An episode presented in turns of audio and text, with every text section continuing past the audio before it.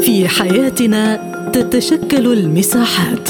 نظل داخلها على اختلاف الثقافات. ولكن في مساحتنا تتحد الغايات. لأننا نغوص في أعماق المجتمعات. فإذا كان لديك وجهة نظر حرة فاهلا بك في مساحة حرة. أهلا بكم مستمعينا الكرام في هذه الحلقة من مساحة حرة. معكم فيها عبد الله حميد.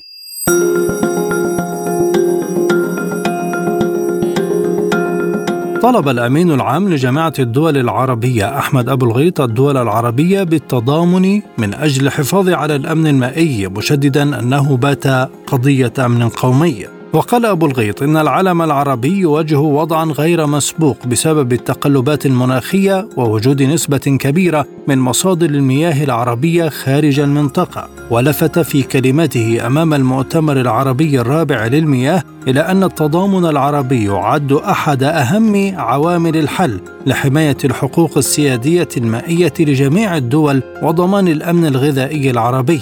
وأشار إلى أن المجلس الوزاري العربي للمياه لديه خبرة كبيرة في هذا المجال مما يساهم في تنفيذ الاستراتيجية العربية للأمن المائي بالتعاون مع شركاء إقليميين ودوليين ضمن أجندة التنمية المستدامة بالمنطقة وأكد على أهمية تحقيق الكفاءة والإنتاجية والاستدامة فيما يتعلق بقضية المياه مشيرا إلى فعالية المشاركة العربية في الاستحقاقات الدولية. نناقش مع ضيوفنا في هذه الحلقة أهمية المياه وأسباب تحول الأمن المائي العربي إلى قضية قومية. ينضم إلينا من القاهرة الدكتور عباس شراقي أستاذ الموارد المائية أهلا بك دكتور معنا في هذه الحلقة وهل أصبحت المياه قضية أمن قومي في الوطن العربي؟ اولا تحياتي لحضرتك ولكل السادة المستمعين. بالنسبة للوضع المائي في العالم العربي هو الحقيقة العالم العربي بيقع في أشد مناطق العالم جفافا وليس بجديد على العالم العربي قلة المياه حيث أن الدول العربية يعني عندنا 80% من الدول العربية تحت خط الفقر وده بسبب الموقع الجغرافي لأن إحنا عندنا شمال إفريقيا من أقل المناطق على مستوى العالم جفافا أو قلة الأمطار وهنا مصر بتحتل المركز الأول في الجفاف. وبالتالي لكن المشكلة بتزداد بسبب زيادة عدد السكان وثبات كمية المياه، فكمية المياه محدودة للغاية، أمطار خفيفة حتى أن الأنهار الموجودة في بعض الدول العربية زي عندنا إحنا الأهم الدول اللي عندها أنهار هي مصر والسودان وده عندهم نهر النيل والعراق دجلة والفرات. إن هذه الأنهار بتأتي من خارج الدول العربية، المنابع في دجلة والفرات تركيا. وفي نهر النيل عندنا المنابع هي الهضبة الإثيوبية والمنطقة الاستوائية اللي فيها بحيرة فيكتوريا. هل تواجد منابع المياه خارج المناطق العربية يزيد من العبء على الحكومات العربية لتوفير مياه بكميات مناسبة؟ هو حقيقي بيشكل ضغط على الدول العربية اللي عندها هذه الأنهار. وإحنا عندنا المشاكل الحالية موجودة ما بين العراق وسوريا من ناحية وتركيا من ناحية أخرى. بصفتها هي منبع دجلة والفرات. أيضا المشاكل مستمرة ما بين مصر وإثيوبيا على سد النهضة وحتى الآن لم تحل. وبالتالي هنا المطلوب إن الدول العربية يعني تتكاتف لأن إحنا لا وأيضا عندنا الصومال الصومال دولة عربية. ومعرضة بشدة لسدود بتعملها إثيوبيا والصومال دولة ضعيفة وصوتها يعني ما بيوصلش للعالم.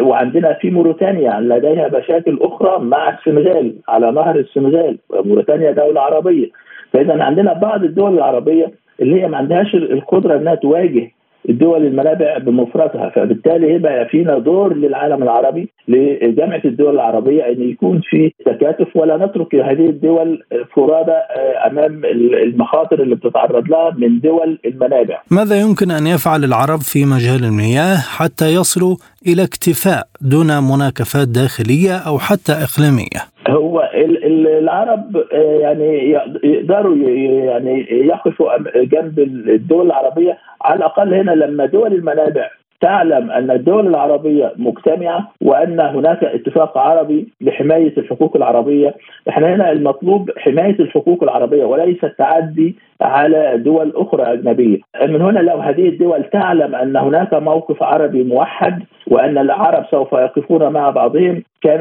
يعني لا تلجأ إلى هذا التصرف، لكن مثلا تركيا تعلم جيدا أن هناك تفكك عربي، أن العراق مفكك وسوريا وليس لديهم جيش في الوقت الحالي، فبالتالي بتتصرف بهذه التصرفات وهي إقامة سدود دون النظر على تأثيرها على العراق وسوريا. أيضا إثيوبيا إحنا شايفين إثيوبيا وعلاقتها ببعض الدول العربية زي السعودية والإمارات وغيرها. ولا تهتم بقرارات جامعه الدول العربية. وشفنا من سنتين إن كان في قرار لجامعة الدول العربية بتأييد الحق المائي لمصر والسودان وأنكرت إثيوبيا يعني هذا القرار واعترضت عليه. ولدرجة أن في جيبوتي كانت موجودة في وسحبت صوتها في تلك الجلسة. فإذا يعني آه، الموقف العربي الحالي يشجع بعض دول المنابع أنها بتتعدى على حقوق دول المصادر وهل يمكن للجامعة العربية التحرك بشكل أكبر من ذلك لحماية الحقوق المائية العربية؟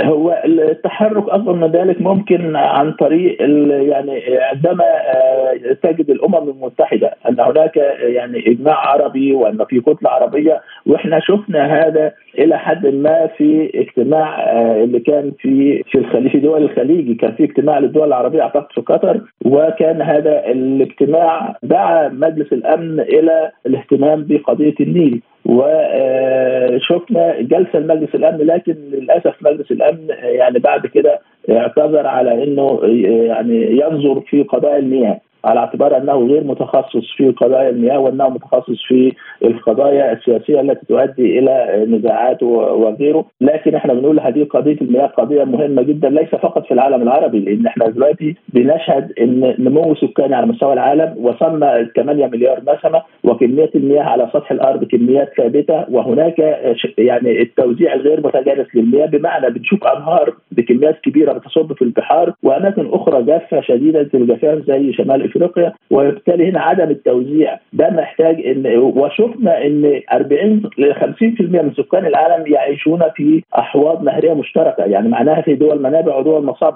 مجلس الأمن نفسه ال 15 عضو في مجلس الأمن فيهم أعضاء دولهم دول منابع ودول والدول الاعضاء الأخرى دول مصب. وبالتالي لم يتخذوا قرار تحسبا ل أو لمنع المشاكل في المستقبل. فإذا إحنا العالم لا العالم يعني سوف يدخل في مشاكل مائية كبيرة وعلى الأمم المتحدة أن تتخذ يعني موقف وهنا في دعوة لإنشاء منظمة آه، أممية تتبع الأمم المتحدة على غرار مجلس الأمن أو اليونسكو وهنا السؤال دكتور من يفك النزاعات في العالم إذا لم تتخصص الأمم المتحدة في هذا الموضوع؟ هذا السؤال الجيد اللي إحنا بنقول طيب ما ننشئ منظمة متخصصة خاصة إذا كان هناك يعني أنا بقول أكثر من من نصف سكان العالم بيعيشون في أنهار مشتركة يعني عبارة عن دول منابع ودول مصب. وإحنا عندنا في خزانات جوفية أيضا ممتدة ما بين الدول. فبالتالي الأنهار المشتركة والخزانات الجوفية المشتركة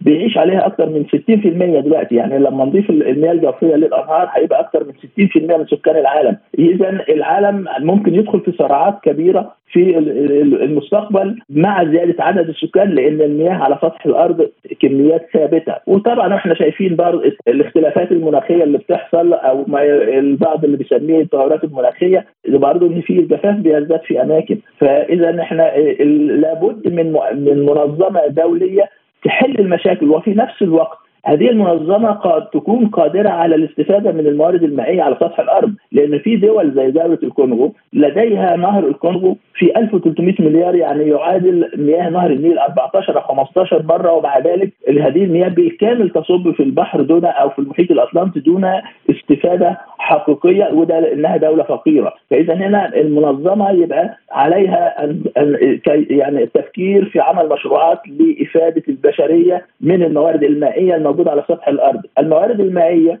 اللي موجودة على سطح الأرض تكفي خمس أضعاف عدد السكان الحالي. بس بشرط الاستفادة من المياه التي تسقط نحن نستفيد من مياه الأنهار بنسبة يعني حوالي 10% فقط و90% بتصب في البحار والمحيطات كيف يشكو العالم من شح المياه وأمامه 90% من مياه الأنهار بيصب في المحيطات دون استفادة حقيقية. هل ينظر المجتمع الدولي إلى هذه المسألة باعتبار أنها مهمة أم عندما نذهب إلى نقطة الخطر سيهتم بها؟ هو للأسف العالم سوف يهتم عندما يزداد الخطر وإذا بدأت الصراعات آه، تشتد في بعض الأماكن هنا آه، سوف يتنبه إلى هذا الخطر. ونحن ندعو الآن الأمم المتحدة إذا أرادت أن تقوم بدور في آه، هذا المجال المجال المياه مجال حساس للغاية. يعني كما ذكرت أكثر من 60% من سكان الأرض يعيشون في هذه المناطق اللي فيها المعرضة للصراعات، صحيح الصراعات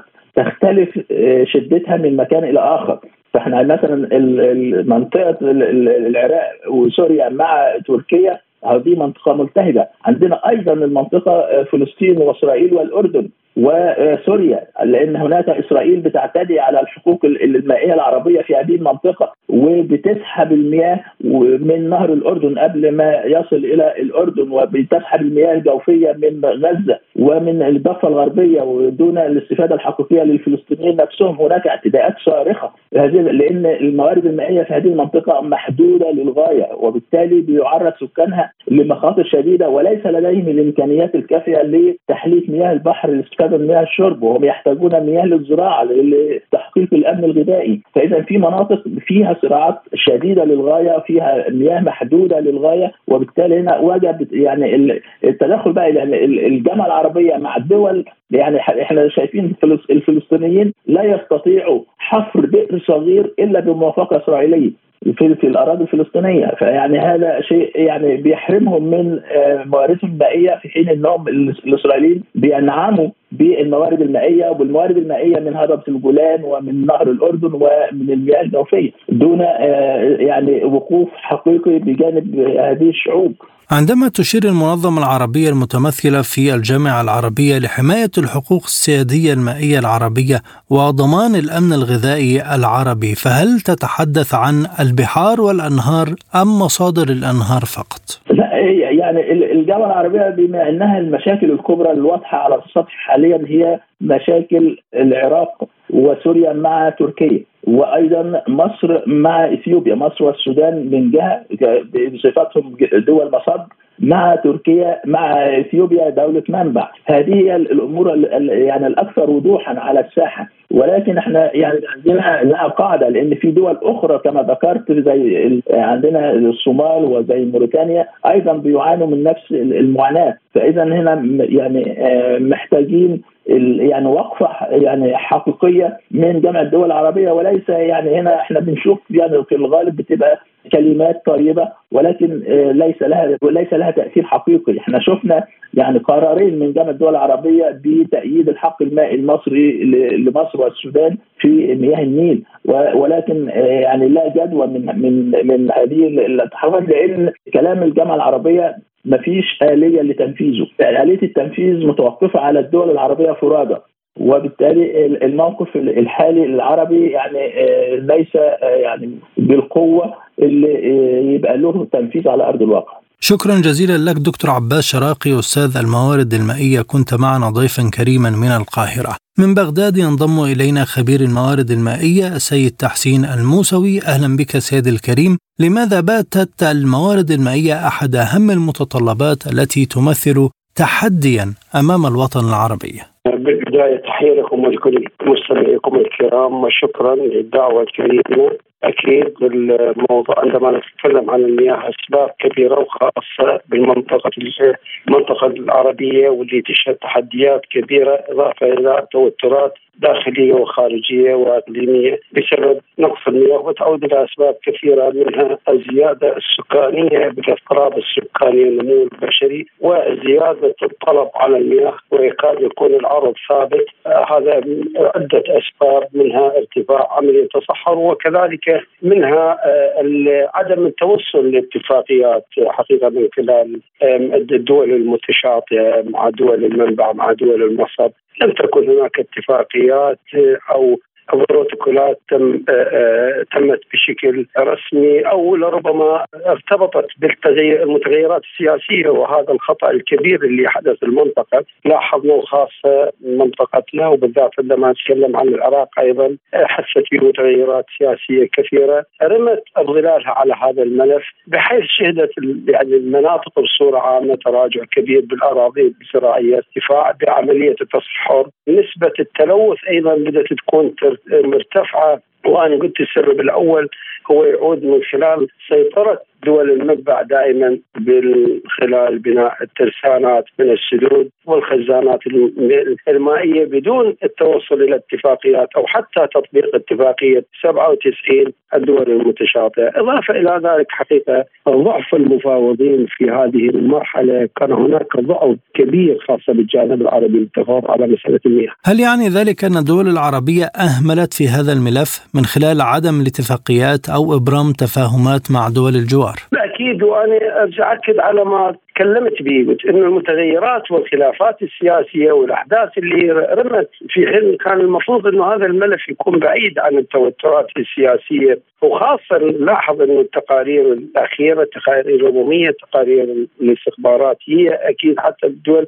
أكدت أن أنه ستكون هناك مشاكل كبيرة من مسألة المياه بسبب النقص الحاصل يعني بسبب اليوم نتحدث نتحدث عن استخدامات كبيرة، أيضا هناك يعني بعض المناطق العربية اللي تتعامل بوسائل قديمة خلال نتكلم عن عملية الاستهلاك من خلال فقدان المنظومات الحديثة وعدم وجود منظومات تحلية وإعادة تدوير المياه إضافة إلى الهدر الكبير المستخدم في العمليات الزراعية منها التي تستعمل زراعة كلاسيكية قديمة مفتوحة.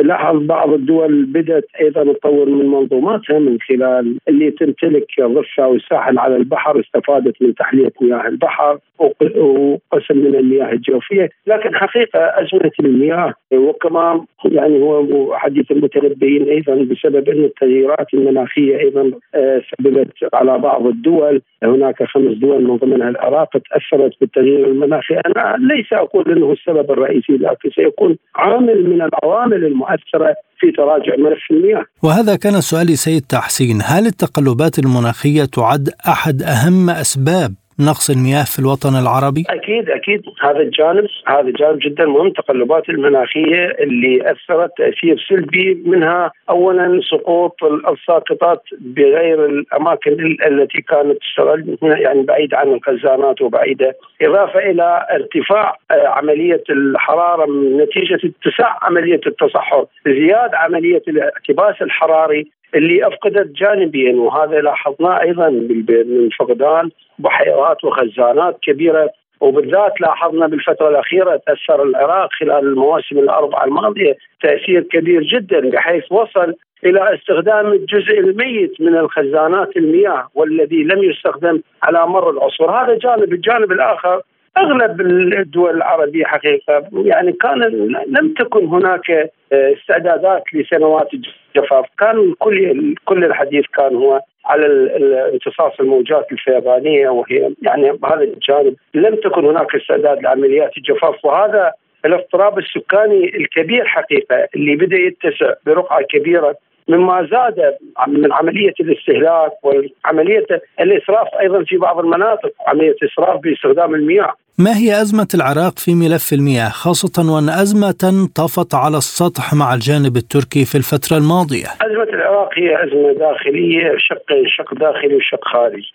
الشق الخارجي اللي تكلمت عنه يعود على آه، مصادر العراق من المياه. العراق آه، لنهرين الرئيسيين دجلة والفرات دجلة يكاد يكون نوعا ما أفضل من الفرات كون أنه إيرادات دجلة بحدود ال 56% هي من الجانب التركي و12% من الجانب الإيراني والباقي هي تعد موارد طبيعية، أما بالنسبة للفرات فيعاد 100% أو 95% هو من الجانب التركي فكان نسبة الضرر عليه أكبر. إضافة إلى التوزيع السكاني بالنسبة لجانب الفرات بحدود يكاد يكون أكثر من دجلة بسبب الكثافة السكانية عليه. أيضا فقدان بعض الأنهر المهمة اللي كانت بمناطق اللي تصب أيضا بشط العرب منها الكارون والكرخة مع الجانب الإيراني، لكن مع الجانب التركي حقيقة كان هناك تعسف كبير. تعسف في عملية إنه لم تحدد إطلاقات المياه العراق أو أو كما هو متعارف عليه بالعرف مع الدول المتشاطئه وخاصة ونحن نتكلم عن مبدأ عملية تقاسم الضرر، أن الحديث عن تقاسم الضرر هو في الصحة تقاسم الضرر، فكان الضرر بالنسبة العالية والكبيرة يقع على على الجانب العراقي، الجانب العراقي أيضا بنفس الوقت استعداداته كان لا يزال أيضا الاستخدامات الداخلية هي استخدامات سيئة بحيث فقدان وحدات المعالجة آه، لاحظ نسبة التلوث دائما مستمرة، أيضا العملية الكلاسيكية القديمة من خلال الري المفتوح لا توجد منظومات حديثة بالعراق وخاصة بالجانب العراقي اللي يعد مستهلك كبير كونه يستهلك بنسبة 75% من الإيرادات المائية. وبهذه الوسائل التقليدية الكلاسيكية القديمة يعد إسراف كبير كبير جدا. أيضا آه، نتيجة ارتفاع المد الملحي من خلال شط العرب أثر تأثير كبير بحيث أصبحت مياه شط العرب خاصة بعد بعد التعثر من دفع المياه المالحة بدأت تمتد إلى مناطق البصرة وسببت في تلف الكثير من الأراضي بل تقاد تكون الزراعه مفقودة بحوالي 90% وصلت أزمة إلى أزمة مياه الشرب أزمة كبيرة. الجانب العراقي أيضا آه، بالنسبة للاتفاقيات اتفاقيات المياه حقيقة نتيجة ظروف العراق مشاكل العراق المستمرة هذه أثرت استغلت من الجانب التركي من خلال بناء السدود بدون الرجوع إلى اتفاقيات والعرف الدولي بين الدول المتشاطئة،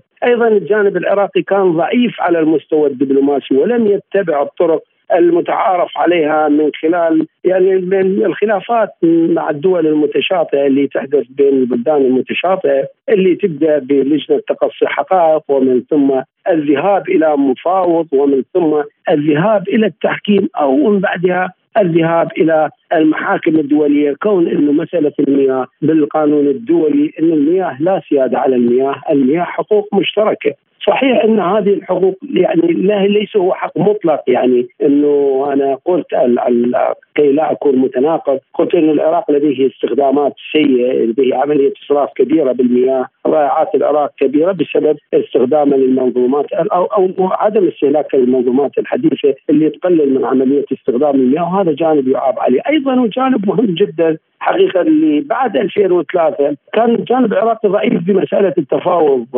خاصة وأنه السبب يعود إلى تركيبة عمل العملية السياسية بالعراق إنه تعدد مصادر القرار افقدت أولوياته بجانب المياه. أخيرا ماذا يمكن أن تقدم الحكومات حتى تتجنب الضرر في ملف المياه الذي هو مصدر الحياة الأول؟ آه، بالحقيقة يعني مثل ما تفضلت هو هو سبب الوجود هو عصب الحياة والمصدر الأول وفي الكثير من رسائلنا دائما وتقارير اللي نبعث بها للحكومة أنه هذا الملف سيشكل عقبة كبيرة وتحديات كبيرة أمام الحكومات العراقية وخاصة وأن بحدود نسبة 50% من السكان العراقي يمتهن مهنه الزراعة وبدأ يفقد هذه المهنة شيئا فشيئا. تحدثنا آه، كانت أضرار كبيرة من خلال عملية نفوق الحيوانات من خلال تقلص المسائل الوقع الزراعيه من خلال توسع عملية التصحر.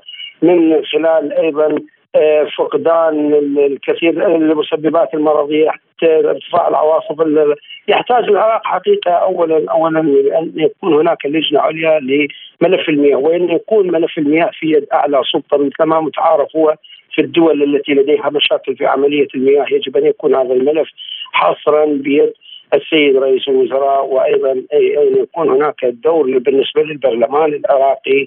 يحتاج العراق إلى فرض قوانين رادعة داخلية على المتجاوزين عن المياه، يحتاج إلى مفاوض يكون بمستوى قوي بالمفاوضات مع آه، الدول المتشاطئه، يحتاج الضغط من خلال ملف تبادل الميزان التجاري مع الدول المتشاطئه، يحتاج أيضا من خلال التعاون في عملية مكافحة الأرهاب بينه وبين جيرانه، هذه الملفات كلها ملفات ممكن للعراق أن يلعب دور رئيس بها وممكن ويحتاج أيضا في حال إنه وصل إلى وهذه يعني ما يحدث في العراق.